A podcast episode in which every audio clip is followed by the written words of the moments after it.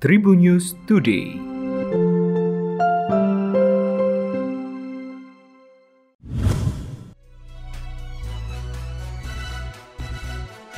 Halo Tribuners, berjumpa kembali bersama Memes. Memes akan berbagi informasi untuk kamu dimulai dari berita nasional. Polri tidak menahan tersangka pembunuhan berencana Brigadir J, Putri Chandrawati pada Jumat 26 Agustus 2022. Istri Verdi Sambo itu diizinkan pulang usai diperiksa Bares Krim Polri pada statusnya sebagai tersangka.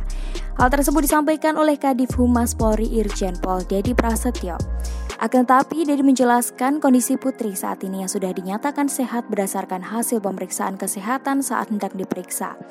Dedi mengatakan meski diizinkan pulang, Putri selalu berada dalam pengawasan penyidik, termasuk antisipasi pihak-pihak luar yang berpotensi mengubah keterangan Putri terkait kasus yang sedang menjeratnya. Sebelumnya saat penetapan sebagai tersangka pada Jumat pekan lalu, polisi juga tak langsung menahan Putri.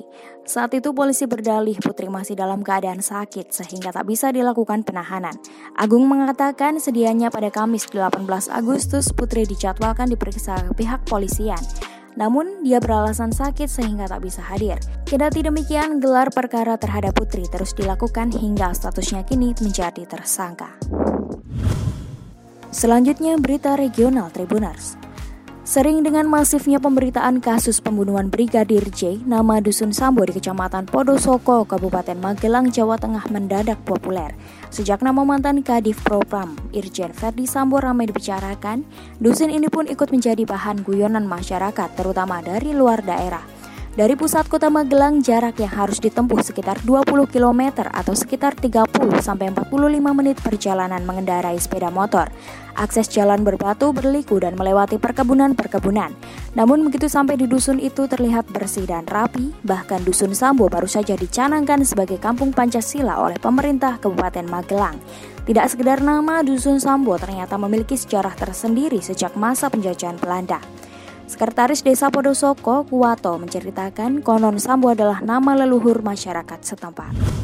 Selanjutnya berita selebriti Tribuners. Mita The Virgin lagi-lagi menerima isu tak sedap soal kabar dirinya penyuka sesama jenis atau tidak suka sama laki-laki. Isu tersebut muncul diduga hingga saat ini Mita The Virgin tidak pernah mengunggah foto asmara dengan lelaki atau mengumumkan akan dinikahi pria pilihannya. Kabar atau isu tentang dirinya yang diduga suka sesama jenis tidak ditanggapi emosi dan amarah oleh Mita. Penyanyi berusia 36 tahun itu menilai tuduhan atau isu dirinya suka sesama jenis belum ada yang bisa membuktikannya. Selain tuduhan suka sama jenis, penyanyi bernama lengkap Cameria Happy Paramita ini juga sering menerima komentator pedas warganet, baik dari segi musik, penampilan, dan lain sebagainya. Kekuatan mental Mita The Virgin diakuinya terbentuk selama belasan tahun berkarya baik bersama Dara hingga proyek musik lainnya. Selanjutnya berita olahraga Tribuners. Sekretaris Jenderal atau Sekjen Persatuan Atletik Seluruh Indonesia, Tigor Tanjung menyatakan dukungan untuk gelaran Indonesia Financial Group Labuan Bajo Marathon 2022. Tigor Tanjung mengatakan dirinya optimis bahwa IFG Labuan Bajo Marathon 2022 dapat berperan dalam menelurkan bibit-bibit baru, khususnya yang berprestasi di bidang atletik, baik itu di kancah nasional maupun internasional. Untuk itu IFG bekerja sama dengan Dinas Pemuda dan Olahraga NTT dan PASI NTT untuk mencari bibit atlet dengan melibatkan 100 sekolah menengah ke atas di seluruh wilayah NTT. Program tersebut menjaring 400 siswa dan siswi berprestasi di bidang atletik. Mereka kemudian mengikuti pelatihan selama dua bulan dan dimonitor langsung oleh pelatih lari bersertifikat internasional Amateur Athletic Federation. Mereka kemudian mengikuti pelatihan selama dua bulan dan dimonitor langsung oleh pelatih lari bersertifikat internasional Amateur Athletic Federation dan PASI Agung Mulyawan.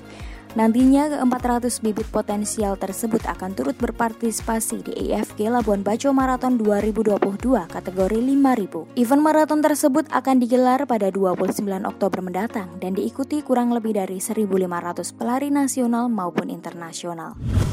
Demikian tadi empat informasi terkini yang menarik untuk kamu ketahui. Jangan lupa untuk terus mendengarkan Tribun News Today hanya di Tribun News Podcast, Spotify, dan YouTube channel tribunnews.com. Memes pamit, sampai jumpa. Tribun News Today.